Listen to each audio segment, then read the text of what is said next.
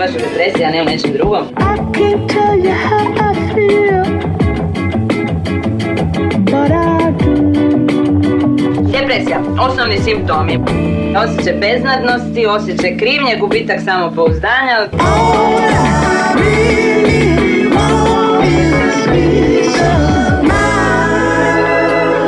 U raljama osjećanja. Vodič kroz lavirinte naših emotivnih doživljaja.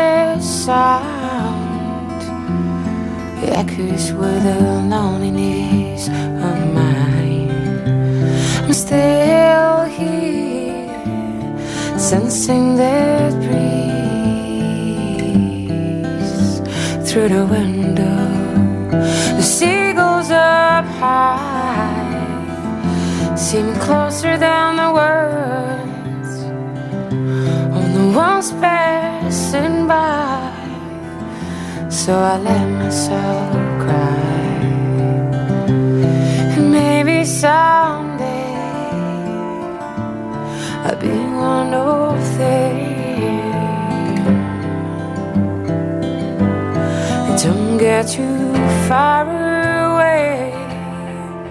Remain calm and you may see changes coming your way. Don't get too far away.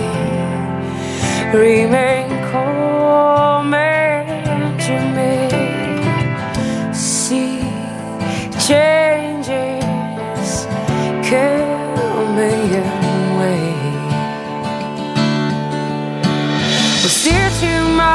heart.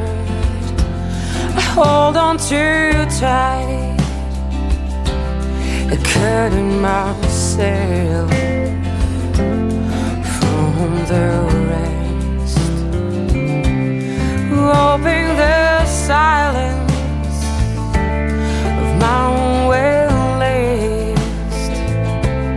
I wait for my friend. Don't get too far away.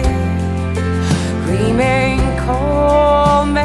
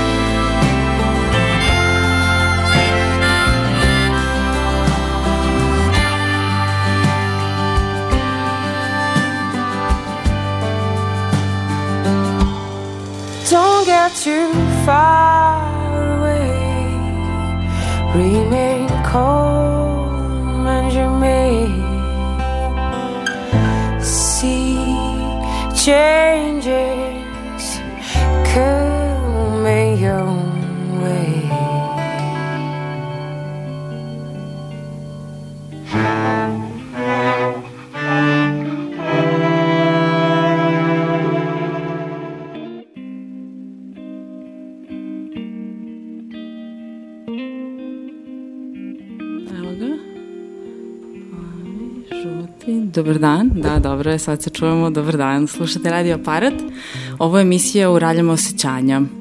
Slušali smo predivnu Anu Ćurčin, Remain Calm, a reći ću posle i zašto baš s njom otvaramo. Um, Pre nego što pređemo na našu današnju temu, jedna najava, osim kao što čujete konačno nova muzika u pozadini, imamo još neke novosti.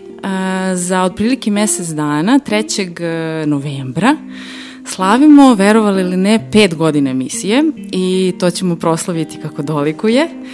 Ako sve bude kao što je planirano, žurka će biti u zaokretu, odnosno spratu. Tačnije na spratu ćemo početi tribinom. Pa pošto se slavi, bit će tema ljubav. Ovaj, a onda kada završavamo sa, kad završimo s tribinom, ostajemo da se družimo. E, jednom je jedan slušalac rekao e, kako treba da se napravi dating app za slušalce ralja i rekao je, ja mislim da ću tako mnogo bolje naći devojku koja meni odgovara nego na Tinderu. Ovaj, ja mislim da je to sjajna ideja, pa eto, još uvijek nismo napravili aplikaciju, ali dođite na rođendan, pa se muvajte. eto, ovaj, to je najvo. Do tad, nadam se, uh, emisija, to je podcast i na ovim velikim uh, podcast platformama, to sam obećala sebi, evo sada i vama javno, pa veća šansa da ću to i da uradim. Tako da da, znači 3. novembar, ali bit će naravno još najava i podsjećanja za to. Um, današnja tema bit će rezilijentnost. Probat ćemo da razumemo šta je rezilijentnost u ovom psihološkom smislu, otpornost, jel to bi bila možda naj, najbliža reč, otpornost na šta, da li na stresore, na krize, na traume i šta ona uopšte znači. Uh, reći ćemo i šta otpornost nije, um, u čemu se sve ona ogleda, od čega zavisi, ali kako možemo da je gradimo i šta su to sve naše snage na koje možemo da se oslonimo. Um, da, zašto Ana Ćurčin i ova pesma? Uh, u refrenu ona kaže Don't go too far away, remain calm and you may see changes coming your way. Mislim da je to jedna lepa um, definicija uh, rezilijentnosti, ovako poetska. A sada ćemo naše gošće da vidimo, da pitamo šta o tome kaže struka, ali ne toliko samo naše knjige, već ono što je ideja današnje misije, bit će da uh, sve tri govorimo iz našeg ličnog iskustva, uh, iz našeg profesionalnog iskustva u radu s našim klijentima, um, i u našoj ranjivosti i našoj rezilijentnosti. Nešto smo sve tri u nekom ranjivom periodu, tako da ovaj, obećavamo dobar sadržaj. Um, moje gošće danas uh, su uh, Mija Popić koju već znate uh, i prvi put, jako mi je drago što je tu sa nama i nadam se ne i poslednji, uh, Doris Rajfalovski. Uh, ajde molim te. Ra, da, uvežbaću. Svaki put zapletim jezik, izvini. A, obe su koleginice, e, psihološkinje, psihoterapeutkinje i fun fact, zapravo svim trima prvobitno, osnovno, da kažem, psihoterapeutsko obrazovanje jeste racionalno emotivna bihiralna terapija, to sam shvatila malo pre, tako da eto. A, Doris, ajde, ajde ti da počneš. Ovaj, a, šta bi, kako bi ti objasnila šta je rezilijentnost? A, rezilijentnost je dakle mm, otpornost, da kažem. Samo malo sti, aha. eto. Rezilijentnost je dakle otpornost, kao što si je rekla, ova srpska reč, ovaj, koja u stvari podrazumeva da mi um, i da smo mi kao jedinka otporni na stres, traum, traumatsko iskustvo ili bilo koju vrstu životnih nedaća, odnosno da uh, uspevamo brzo da se adaptiramo na njih i da ih uh, prevladamo, da tako kažemo, uh, bez nekih velikih posledica. I ovo je, da kažem, na neki način i revolucionarno u psihologiji bilo da krenemo malo više da se bavimo našim snagama i kako uh, zapravo možemo i da osnažimo ovaj, nas na sve te, uh, ajde da kažemo, životne nedaće. Ovaj, uh, ovaj termin je baš je super što, što ćemo pričati nekako iz životnog iskustva i našeg i profesionalnog, jer je ovaj termin jako teško definisan u, u knjigama.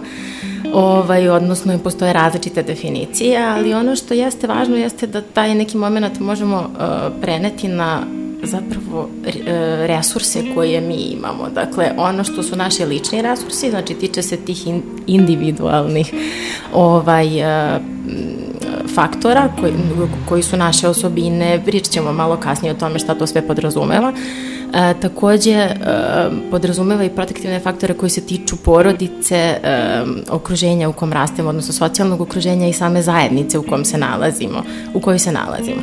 Oprosti, samo, jel možeš malo objašnjenje šta znači protektivni faktori? Da, izvinjavam se. Ne, ne, sad samo ti. Temi, ali ovaj, da. E, to su stvari, stvari koje nama pomažu da izgradimo tu, tu otpornost i rezilijentnost. E, dakle, e, pošto ranije smatramo da je to nešto što je uređen, urođeno i što imaju e, samo deca koja su na neki način veoma posebna, a kasnije se shvatilo da je to nešto što zapravo e, svi razvijamo i e, protektivni faktori su u stvari oni faktori koji doprinose razvoju rezilijentnosti. I šta si rekao, koji su to sve faktori? Dakle, porodica u kojoj smo odrasli, ovaj, e, odnosno da se vratimo na onaj deo jel, afektivne vezanosti i kako ona utiče na, na to kako se mi kasnije vezujemo, osjećamo i ponašamo i u ostalom, jel, ovaj, sad sam otišla jedno pet metara unapred u Neka, svojoj neka. glavi, ali ovaj, u svakom slučaju, dakle, um, afektivna vezanost zavisi od toga kako um, je naš primarni e, staratelj zadovoljavao naše potrebe u prvih godinu dana i odnosu na to e, mi nekako stvaramo i sliku o svetu, o nama samima i o drugima, pa se u skladu sa tim i ponašamo kroz ceo svoj život. Sad da ne davim puno tim delom, ali jako je važno i za a, rezilijentnost i otpornost. Možemo i kasnije da malo uđemo dublje u to šta i kako. A, Zatim zajednica u kojoj se nalazimo, odnosno socijalno okruženje, naši prijatelji, vršnjaci, e, mentori, ljudi u koje smo se ugledali, profesori, nastavnici, znači bilo ko koja je neka e, stalna i stabilna figura u našem životu. E, takođe, kada pričamo o zajednici, e, pričamo o tome kako e, zajednica može da pruži neke nove prilike e, jedinki da prosto izgradi svoju otpornost. To može biti i kroz različite sadržaje, kroz bezbednost, e, kroz neko bezbedno mesto, da li će to biti škola, da li će to biti neki hobi kojim će se dete baviti, e, da li će to biti e, neka zajednica, grupa podrške koja je osnovana od strane te zajednice i slično. Tako da eto, možemo o svemu malo detaljnije i kasnije kada, kada budemo pričali. A, svakako postoji i onaj deo koji je najbitniji na koji mi možemo da utičemo, to je onaj naš individualni deo. Um, pa ovaj, ne znam da li želiš da prvo pređemo na ovaj deo šta rezilijentnost? Ne, ne, ja bi te još malo ovde propitivala. E sad, samo prije nego što nastaviš no, n- e, ovo šta je to sve u nama čini našu rezilijentnost, samo nekako da, da probam malo da, da sumiram. Ono što meni nekako se istaklo jeste da je u stvari kvalitet odnosa od te primarne relacije pa i kasnije sve relacije koje si spominjala tokom odrastanja, koje pružaju, jeli, nekako taj, taj doživljaj afektivne vezanosti stabilne afektivne vezanosti koja je resurs. I ono što se isto uh, nekako provejavalo i posle iz ovog što si rekla jeste taj doživljaj sigurnosti. Mm -hmm. I nekako ona jeste, to sad nekako već, već se, uh, uh, već znamo da, da ta potreba za sigurnošću jeste jedna od naših osnovnih emotivnih urođenih potreba i da čini mi se nekako da iz ovog do sada pristupa koji si ti navela, ona se dosta stavlja pored afektivne vezanosti, potreba za ljubavlju, nekako jeli uh, u, u prvi plan. Pa da, od prilike da da. Znači nekako i to, to je ono sve što uh, nam pomaže da razvijamo dalje ovaj, uh, tu rezilijentnost. Uh, prosto i podrška i potreba za podrškom je takođe jedna od bazičnih emocionalnih potreba za validacijom, za razumevanjem, uh, za igrom, jel, vođstvom, a, usmeravanjem, ali ne onim autoritativnim kao ti ovo moraš da uradiš, nego neko ko bi nas usmeravao kroz to i pružao nam podršku da samostalno donesemo neku odluku, ko bi nam razvijao te delove nas koji bi kasnije doveli do autonomije naše, koje opet jel vodi uh, dalje u ove individualne faktore od kojih zavisi rezilijentnost. U, u stvari, nekako baš iz ovog što si rekla, sve od onih naših osnovnih emotivnih potreba, što su bile adekvatnije zadovoljavane, to će se one kasnije nekako ostvariti kao naša snaga. Tako je. Mm. Samo što bih ja dodala da, pošto sam pominjala to da je to nešto što se radi u prvi godinu dana, odnosno kako naša majka ovaj, zadovolji ili otac, zavisi ko je primarni a, negovatelj deteta, a, a, zadovolji naše bazične potrebe, to nije način, a, dakle nije a, definitivan i nepromenljiv način vezivanja za druge ljude. e, mi možemo da ga menjamo radom na sebi, e, kroz susretanje sa ljudima koji imaju, da kažemo, siguran obrazac, siguran obrazac vezanosti, ovaj, e, tako da je to nešto na čemu se može raditi i izgraditi na drugačiji način, dakle nije nešto što je 100% urezano u kamenu i ne može se ispraviti. Mm. I sad ono da sam te malo pre prekinula, ovaj, uh, uh, tu ću sad da te zamolim da se nadovežeš, tu si rekla te snage iznutra. Mm. Ok, a, da, ono što je, što je tu negde a, jako važno, ima nekoliko tih nekih naših snaga iznutra. Ja bih ih povezala dosta sa resursima koje, e, to jest sa vrstama resursa koje imamo a, koji mogu biti psihološki, mogu biti telesni, mogu biti materijalni, odnosno funkcionalni, mogu biti socijalni i mogu biti spiritualni, odnosno duhovni.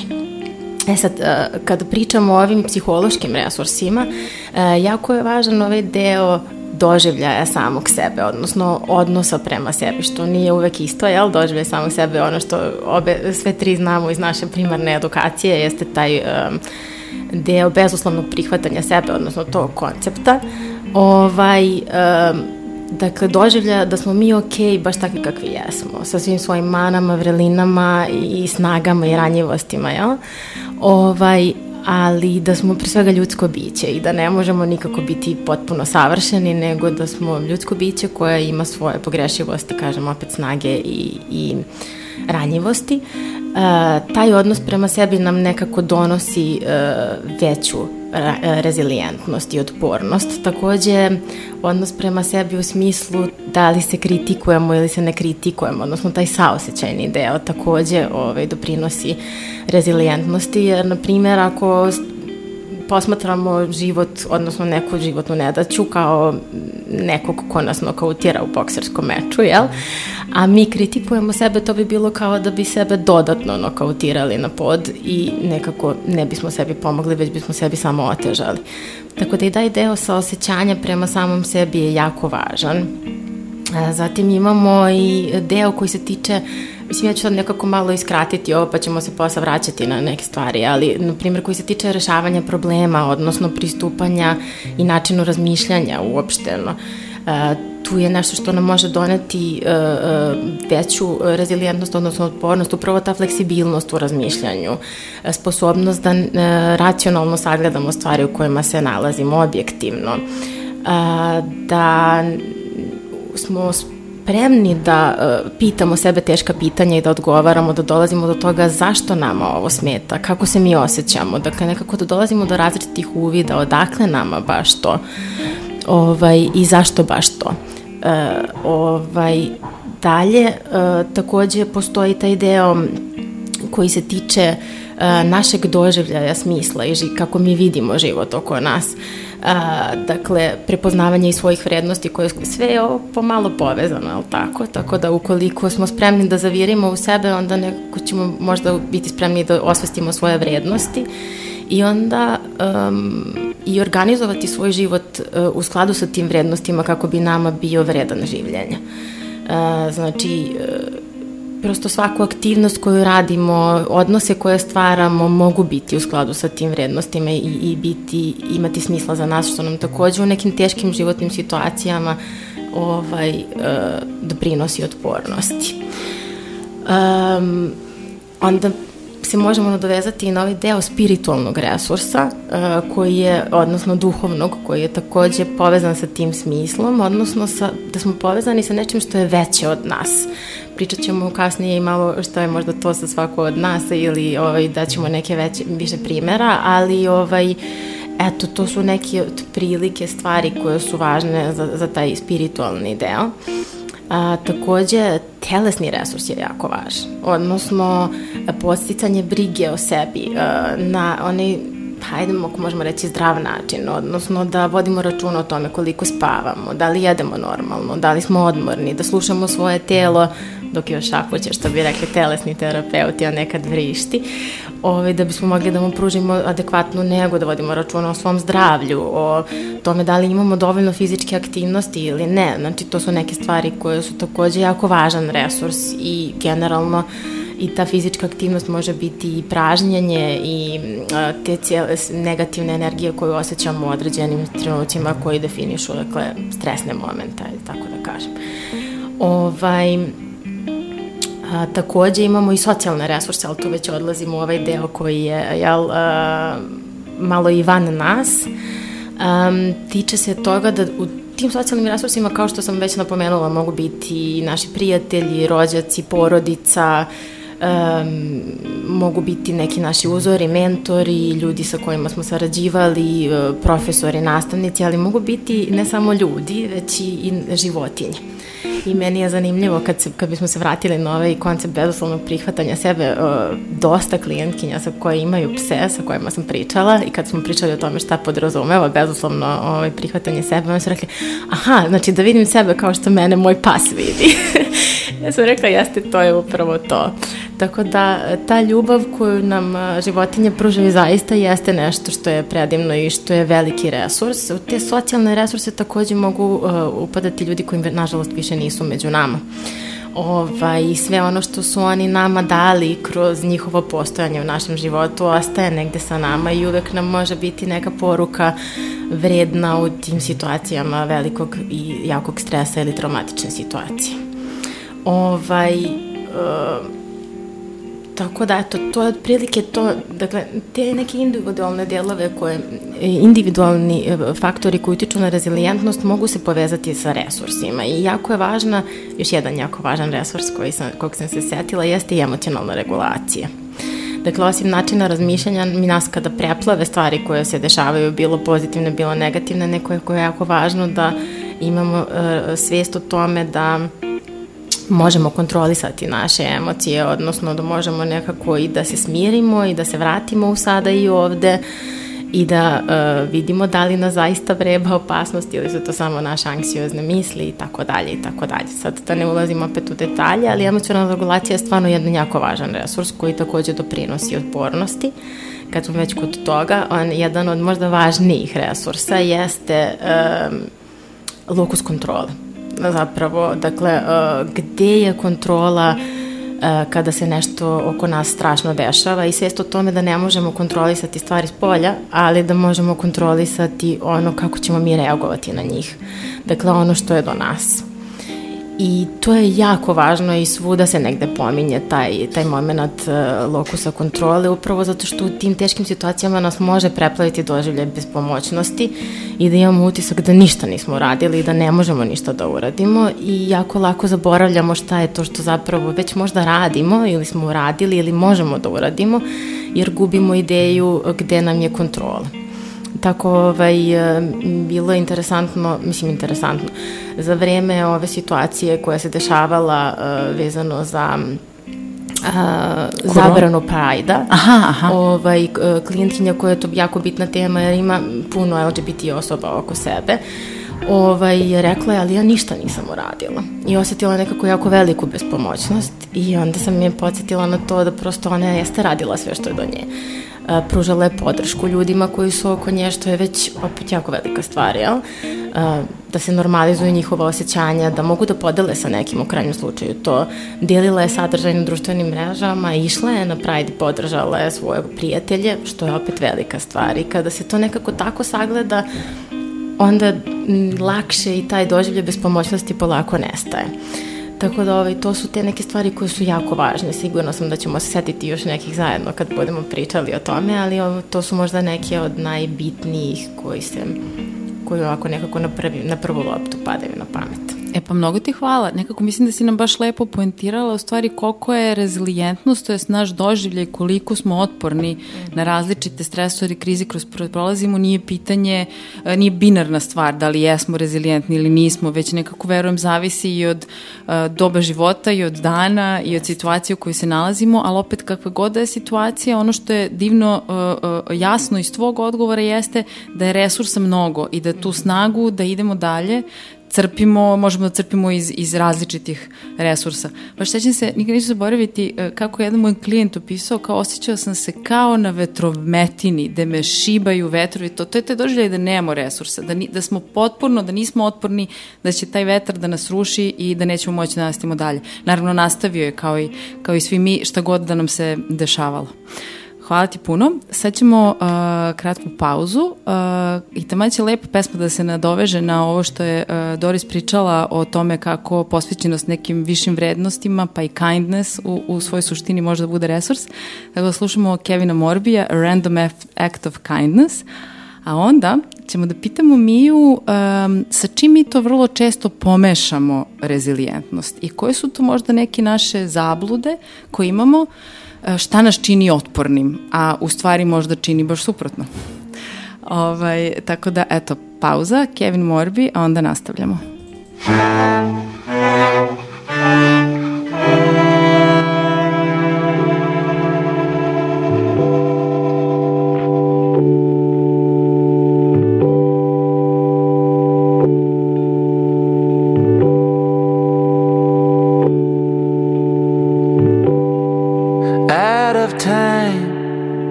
trust. Out of lust, out of trust for the sky above my head. Sun came up through my hands. Sun came up with no plan. Sun came up.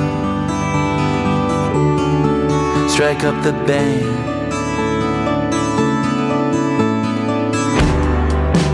Out of grace. Out of grace, out of style. Out of grace, out of style. Can you sit a little while? Out of dreams. So it seems. The nightmares will greet me at my bed. Shut me up if you can. Shut me up. Take my hand. Shut me up. Be a friend through a random act of kindness. Out of time. Out of town for a moment. Out of town for a moment. I'll be back tomorrow. Out of sight. Out of nowhere. Out of sorrow. Out of thin air. Out of touch. Out of spite. Out of loneliness. Out of soldiers in the moonlight, casting shadows, twirling dancers, cross their bodies, cross the water, cross the universe.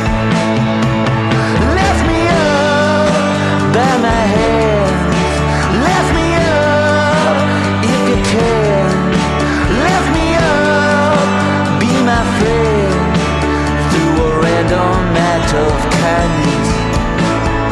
Or one that's done from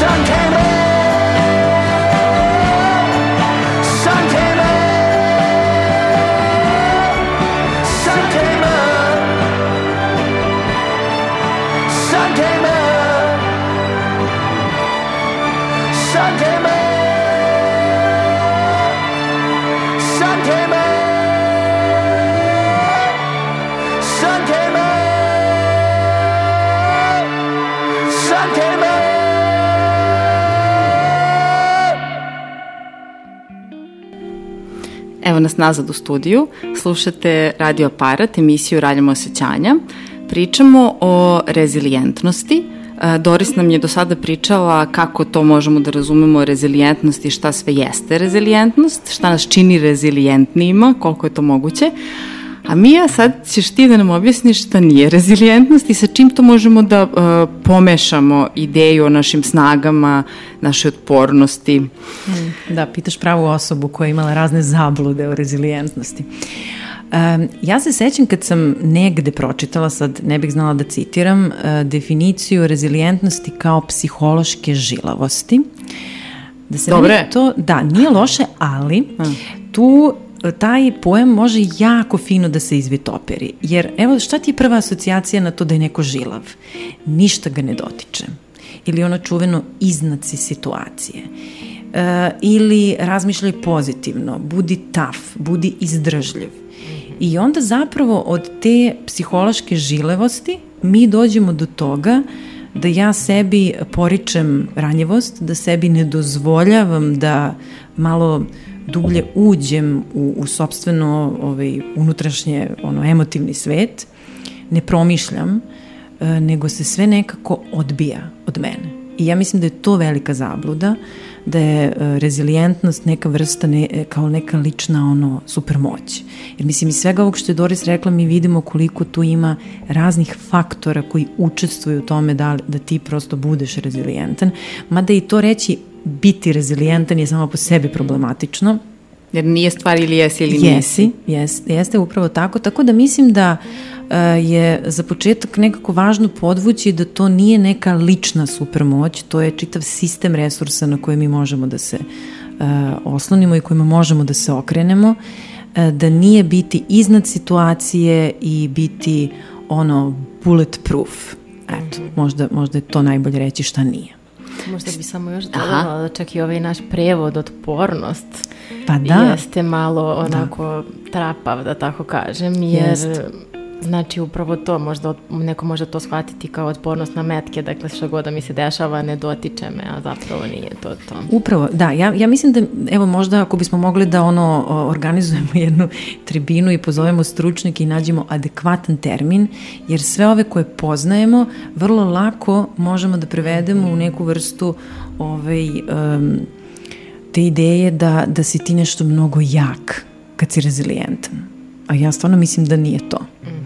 U stvari, ukoliko jak definišemo kao nikad te ništa ne boli, je. nikad se ničega ne plašiš, ovaj, ništa ti nikad nije teško, ako je to Mhm. jako, onda da, onda rezilijentno svakako nije to. I u stvari nekako iz ovog što ste sad rekle i, i mi iz svega što si nam rekla, baš je jasno, rezilijentnost nije odsustvo ranjivosti. Tako je. I kad smo se pripremale, ono što si ti rekla ovaj, i što prati neki od, da kažem, ovaj, i, i, i mainstream autora koje sada slušamo tu temu je baš suprotno, da je rezilijentnost zapravo da smo što više u kontaktu sa svojom ranjivošću. Jel bih Upravo. htela još par reči na tu temu? E, znaš šta, ja kad, sam, kad si me pozvala da, da gostujem, ja sam pomislila, dobro, ajde sad da pričam onako potpuno iz ličnog, u smislu teorije koju ja danas sam nekako ustanovila kroz rad na sebi i rad sa svojim klijentima i da nekako iznesem svoju tu kao uslovno rečeno ovaj, teoriju, evo je premijerno stiže. dakle, pričali smo o individualnim faktorima. Ja mislim da je um, osnova rezilijentnosti e, samo spoznaja. To jeste jedno fino promišljanje svega onog što ti se dešava i e, razumevanje toga. A s druge strane, mislim da je to dozvola da e, ljudi, događaji, stvari koje nam se prosto dešavaju utiču na nas. I kad to dvoje staviš, meni to deluje kao zapravo negovanje rezilijentnosti. Da ja idem, u, idem tamo negde među neke ljude, dozvoljavam da mi se život dešava, dozvoljavam da drugi utiču na mene, a onda svako malo odem kući, sednem i proverim sa sobom šta mi se desilo i kako to mogu da um, sebi nekako objasnim i da poslažem svoj unutrašnji prostor. Ja bih rekla da su te dve stvari presudno važne. Što nije uvek lako, ali vredi da se trudimo, da težimo ka tome, jer nekako ne moramo baš ni svega, ni da budemo svesni previše je, ni da obradimo ni sve svoje traume, ali mislim da ovo što si rekla, st- st- je, moj doživljaj rezilijentnosti je stvarno jako, jako ovaj bli, blizak tome što si rekla.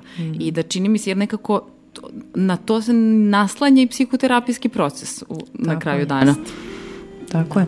Znaš šta, ima tu još jedan pojam sa kojim ja usko vezujem rezilijentnost i vezan je za, za nešto čime se trenutno akademski bavim, a to je pojam samoefikasnosti. Ako se zapitaš koja je definicija samoefikasnosti, to je vera u sobstvenu sposobnost da ćeš istrajati kada je teško, da ćeš prosto nekako postići to nešto što si sad zamislio, šta god da je to. I Doris je divno zapravo tu sumirala ono što su četiri izvora samoefikasnosti. Prvo je iskustvo, da dozvoliš da ti se život dešava, da ti se stvari dešavaju, da ulaziš u iskustva. Drugo su rol modeli. Ko su ljudi kojima se ti okružiš? Šta ti biraš za sebe? I ja nekako zaista danas duboko verujem da ono tajna moje lične rezilijentnosti su dobri i pametni izbori prijatelja i odnosa kroz koje sam se ja menjala. I to je upravo to. Dakle, prvo je iskustvo, drugo su rol modeli, usmeravanje. Ti si spomenula mentore. Dakle, ljudi koji nas usmeravaju na dobar način i poslednji taj izvor razvoja samoefikasnosti je zapravo ta saosećajnost. Kako ja upravljam stresom i zapravo rekla si samoregulacija, to je upravo to. Tako da meni su ta dva pojma vrlo srodna, a znaš, ni samo efikasnost nije superpower, nego četiri načina kako ti to razvijaš i ono što mi se tu posebno dopada je što je samo efikasnost u našim knjigama socijalne psihologije potpada pod socijalnu kogniciju. Šta to znači? To znači da ti to učiš kroz odnose koje gradiš. Što je dobra vest za nas koji recimo možda nismo imali porodicu koja nas je usmeravala. Jer ja mislim da tu isto leži još jedna zabluda, kao ako nismo imali sad to tamo gde bi trebalo, mi smo sad osuđeni na ovaj, ono, patnju i muku. Ne, razvijati rezilijentnost ili ovu samoefikasnost znači birati neke druge socijalne ovaj, kontakte i odnose i menjati se kroz njih. Hvala. E, ono što mi je palo na pamet sad kad si pričala, a nešto što sve tri dobro znamo iz repta, rept ima stvarno jedan divan koncept koji se nadovezuje na ovo što si rekla izdržljivost, a, a to je e, termin e, tolerancije na frustraciju. E sad možete da birate koja će, a, ali koja bi da nam približi u stvari tu ideju e, e, tolerancije na frustraciju naspram niske e, frustracione tolerancije. Ok, dakle, tolerancija na frustraciju e, samo nekako može na prvi pogled opet zvučati to svašta mogu da istrpim i svašta treba, što je u suprotnosti jel, s ovim što mi danas pričamo, kao što je i Mija rekla i ti, Đurđa. Ove, to je zapravo, e, kako da kažem, e, proširenje naše svesti tome da možemo istrpeti neke stvari, da nećemo umreti, da se nećemo raspasti, da nećemo nestati ako nam se te teške stvari budu dešavale, nego da zapravo u svo, u, zajedno sa svojim resursima i ličnim i socijalnim i svim ovim koje smo navodili, možemo preživeti. Da će biti teško, ali da možemo preživeti. I to je ono što je važno a, kod a, frustracione tolerancije. I ovo što si ti pomenula e, jeste o, ovaj, e, sad mi je stao mozak, samo sekund. Um, da, da pustim da mi se živo desi. Dakle, iskustvo a, bez tog straha da ćemo se raspasti, da nećemo preživeti, da će nas neko povrediti. Pa povredit će nas, desit će se nešto loše. To je život, prosto će se to sve dešavati, ali frustracijona tolerancija nekako gradi i to poverenje u sebe da mi možemo to nešto slično kao i samo efikasnost na Jest. neki način. Ovaj, tako da eto. Hvala ti. Ono što je meni nekako to bilo jako značajno kad smo to učili, ovaj, jeste uh, umjesto onog ja, meni ovo nepodnošljivo, um, ok, alternativa je ja to mogu da podnesem. Teško je, jako je teško, ali ja to, teško podnošljivo, ali ja to mogu da podnesem, ali onaj ključni deo te rečenice koji zapravo mislim da menja ra, pravi razliku jeste i vredno je podnošenje. Kad se setimo zašto ostajemo u nekim teškim situacijama i zašto nam je važno da, da izguramo, onda nekako ipak bude, uh, bude malo lakše jer se stavi u onaj kontekst o kom ste već obe uh, pričale. Mija, još samo jedan, uh, jednu stvar. Um, da li pozitivno razmišljanje ovaj, uh, doprinosi rezilijentnosti i zašto ne? Da, da. Pa pozitivno razmišljanje je e, zapravo negiranje rezilijentnosti, ja bih to tako rekla. Jer ono podrazumeva da ti sebe ubeđuješ u nešto što je suprotno tvojoj realnosti u datom trenutku. I to je opet ono biti iznad situacije. I ja mislim da je to veliki problem sa, sa pozitivnim razmišljanjem i to je razlog zašto ga mi ne volimo baš mnogo. E, I zaista je nekako i potvrđeno. Mislim, uzmi bilo koga e, ko je u depresivnom raspoloženju i ubeđuje ga da je život fenomenalan, ta osoba će završiti još u dubljem depresivnom raspoloženju. E, Pomozi mu da razume da je to sastavni deo života i veće su šanse da će u nekom trenutku da, da ispliva. Tako da taj primer vrlo jasno govori koliko pozitivno razmišljanje može da bude e, opasno i koliko zaista negira jednu realnost našeg bivstvovanja. Hvala ti. A, inače, a, a, kao vatrene protivnice pozitivnog razmišljanja, mi ja smo pričali o tome, a, ali nećemo posvetiti epizodu Ralja tome, a, zato što je tome već posvećena epizoda podcasta Otvoreni razgovori, tako da stay, kako se kaže, Stay ostanite, tuned, stay tuned, ovaj, bit ćete informisani kad ona bude okačena. A, pravimo još jednu pauzu, slušamo Alabama Shakes, This Feeling, takođe pesma koja vrlo govori o rezilijentnosti e, i onda se vraćamo.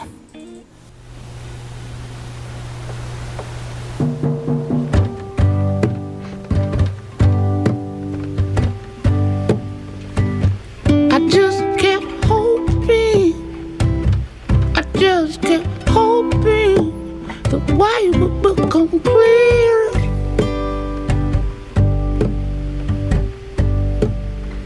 I spent all this time trying to play now and find my way here.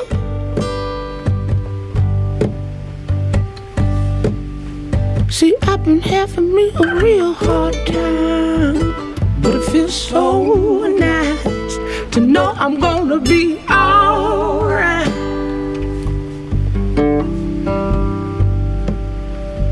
So I just kept dreaming. Yeah, I just kept dreaming. It wasn't very hard.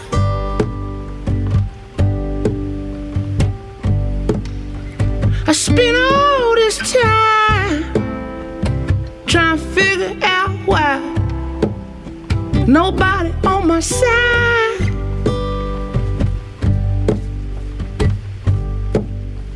See, I've been having me a real good time, and it feels so nice to know I'm gonna be alright.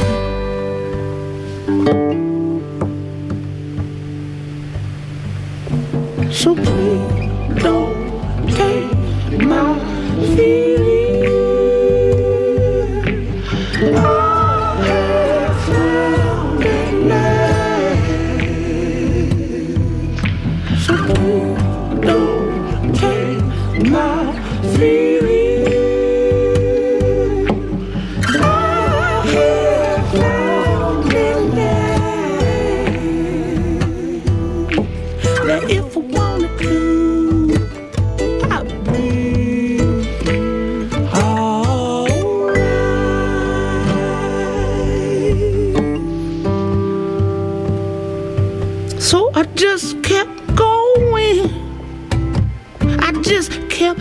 going and hoping I'm growing near.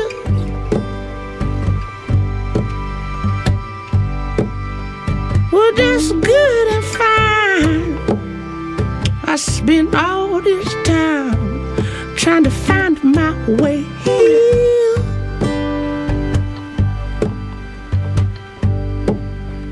And I've been having me a real fun time. And it feels so I'm gonna be alright.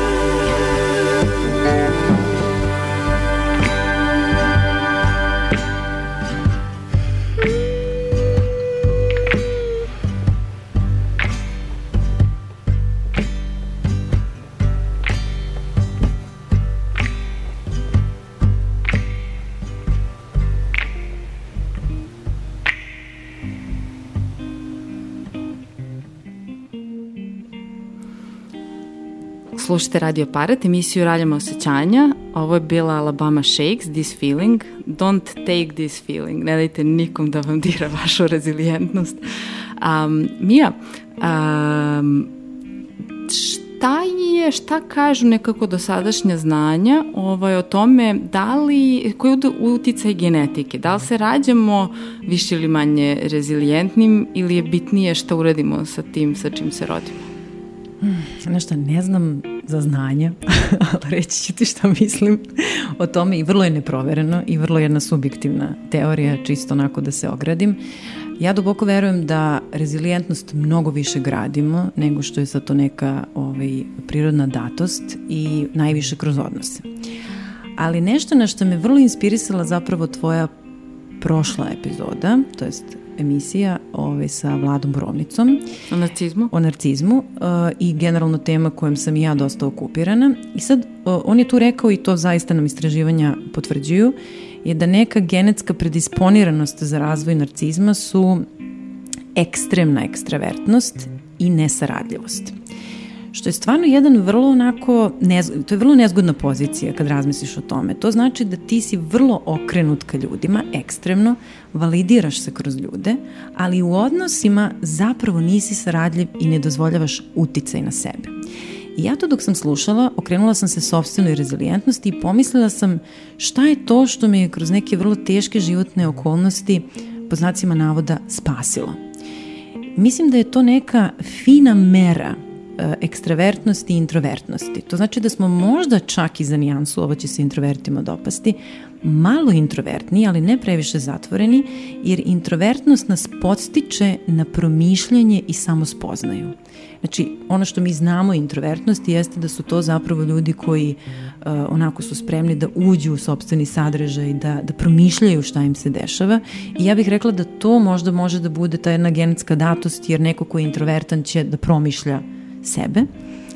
I ova fina saradljivost da prosto dozvoliš da drugi ljudi utiču na tebe. I meni je to nekako, iz narcizma sam zapravo došla, do, iz te priče o narcizmu sam došla do ove, ove teorije, zato što znamo da, da ekstremni narcisi sad, bez da, da pričamo u etiketama, zapravo ne dozvoljavaju uticaj na sebe i ne grade ispunjavajuće odnose. Tako da ako me pitaš šta su kao neke genetske predispozicije, ali opet to je sad šta mi radimo sa tim, to je neka fina mera ove, okrenutosti ka sebi, to je ono samo spoznaje o kojoj sam pričala, i okrenutosti ka drugima da dozvolimo da ljudi zapravo utiču na nas. Tako da eto. Super i ti si zapravo počela i odgovor na moje sledeće pitanje Doris, a to je kako možemo da radimo na svojoj rezilijentnosti i šta je ono što možemo da uradimo da, um, da nam bude bolje.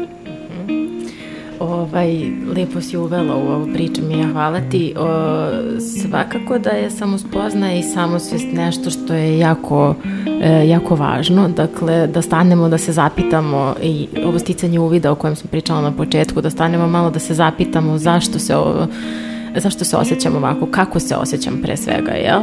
Šta je to što utiče na mene, kako je nešto što je bilo ranije utiče na mene sada tako dalje. Dakle, ono što, što je važno jeste ta samosvest i samospoznaja i otvorenost ka tome. dakle, sve ovo što smo pričali može nekako i da se radi na tome, jel tako? Da, da radimo i na tom odnosu prema sebi sa osjećajnijem koji bi nas vodio i ka nekom povećanom saosećanju ka drugim ljudima. Ali osim što postoji saosećanje prema sebi, ono podrazumeva i onako dobronamernost prema sebi i prema drugima. Uh, I opet, kada smo okrenuti ka drugima kroz tu dobronamernost i prema sebi, jel tako, možemo se okrenuti nečem što je za nas bitno i važno, znači one neke vrednosti koje mi negujemo, E, pa tako možemo, ne znam, da se odlučimo za neko volontiranje, za neko pomaganje zajednici, e, za neko mm, učestvovanje u nekim programima koji su tu da i pomognu drugima, jel tako? Ne mora nužno ići kroz pomoć, može biti i kroz širenje svesti o tim stvarima, ali nešto što je opet za nas važno i da iste neke dobronamernosti prema nama i prema drugima, ovaj, a opet se upuštamo i u zajednicu i, i dozvoljavamo i drugima i, i iskustvu, što kaže Mija, da utiče na nas, tako da mislim da je i to nešto što može da nam pomogne da podstaknemo e, ranjivost i otpornost, to su sve resursi. Um, takođe, um, ono što je važno jeste i neka puna svesnost koja je opet povezana sa ovom samosvesti i, i, i uh, poznavanju sebe i opet um, ovo što je Mija rekla, građanje samo efikasnosti, dakle to su sve stvari koje možemo da gradimo. Naravno uvek možemo raditi na ovome kroz terapiju, jel? Ovaj, negde mi je um, to baš lep deo kada u stvari baš ova ranjivost o kojoj smo pričali, uh, skoro sam imala situaciju sa, sa klijentkinjom koja ima problem sa ranjivošću, ali je prolazila kroz baš turbulentan period u svom životu i vežbala je malo po malo i ove, okrenula se da podeli tu svoju ranjivost onako bezbedno sa određenim ljudima i definitivno je potpuno drugačije iskustvo nego koje je imala ranije.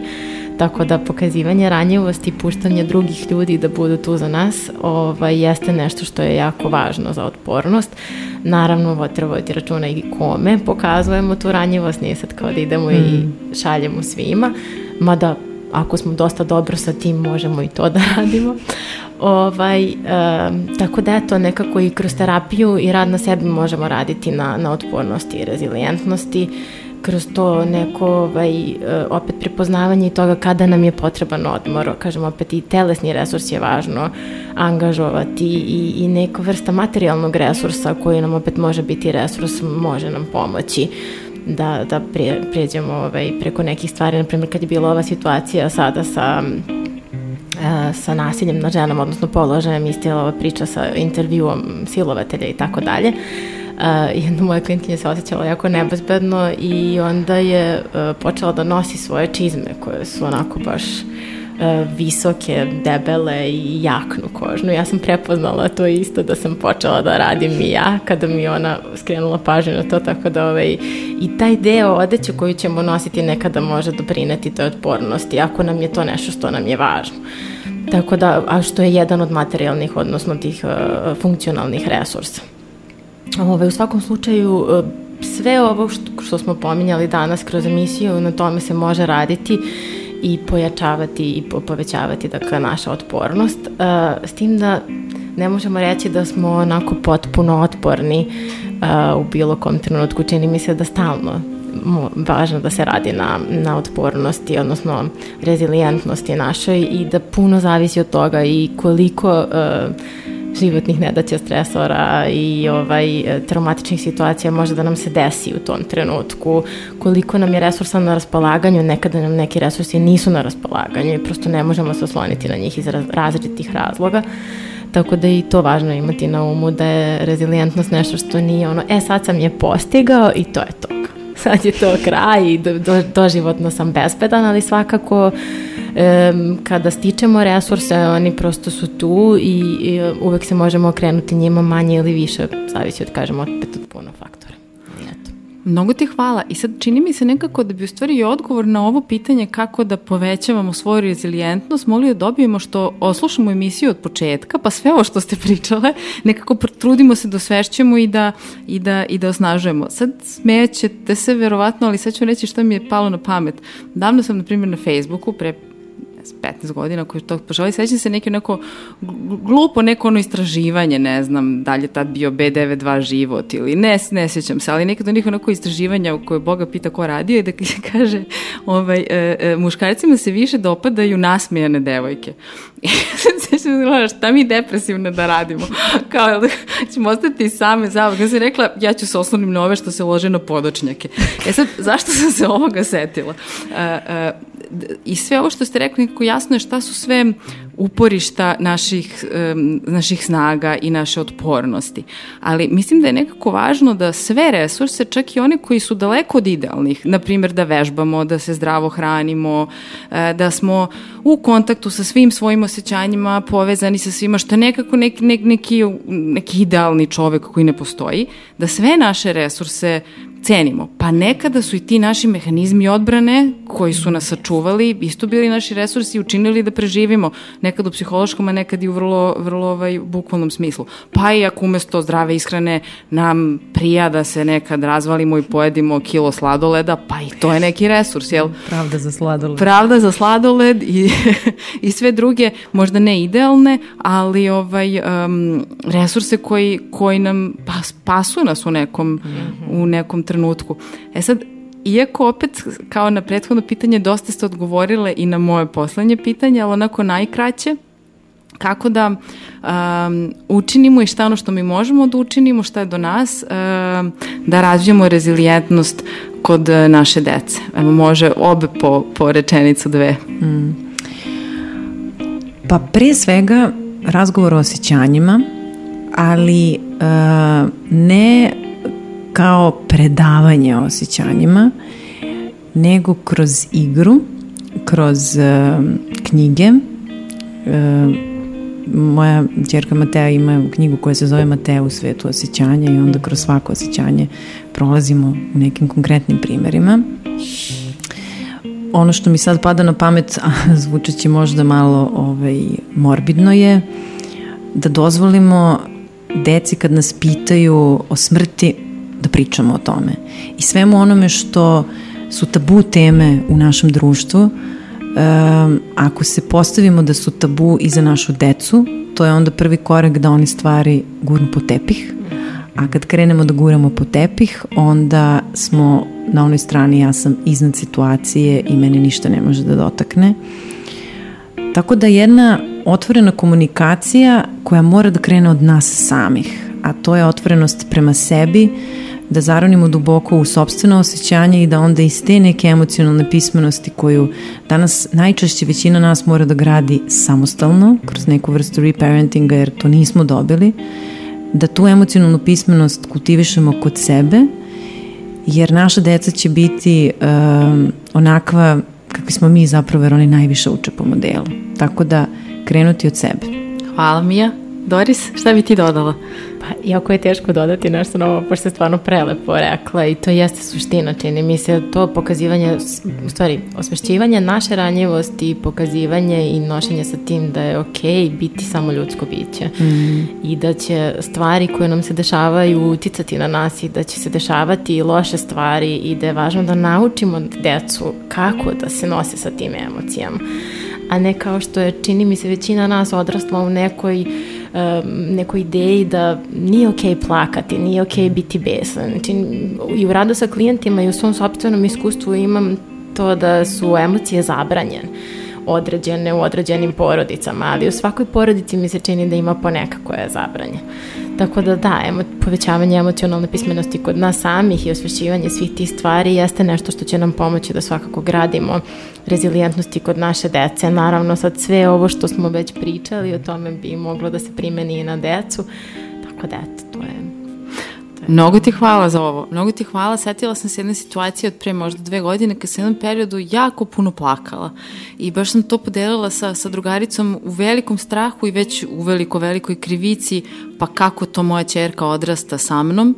A ona sam rekla, pa dobro, Ljubica ima mamu koja nekad plače. Kad je ona to tako rekla, onda je delovalo mnogo, mnogo manje strašno. Ovaj, šta više, evo sad iz ove tvoje priče nekako čini se ne da nije strašno, nego da je to pa baš i okej. Okay. Pa da.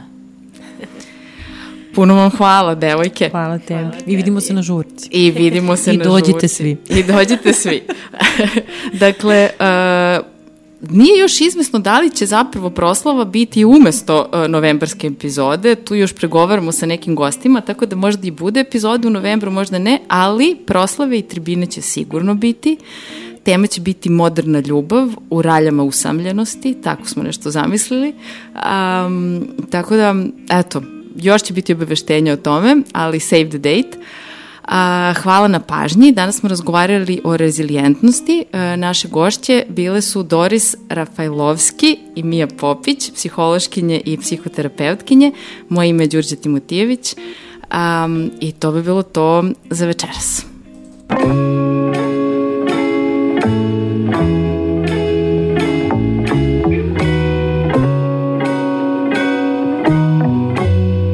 Znaš da si baš u depresiji, a ne u nečem drugom. I can't tell you how I feel,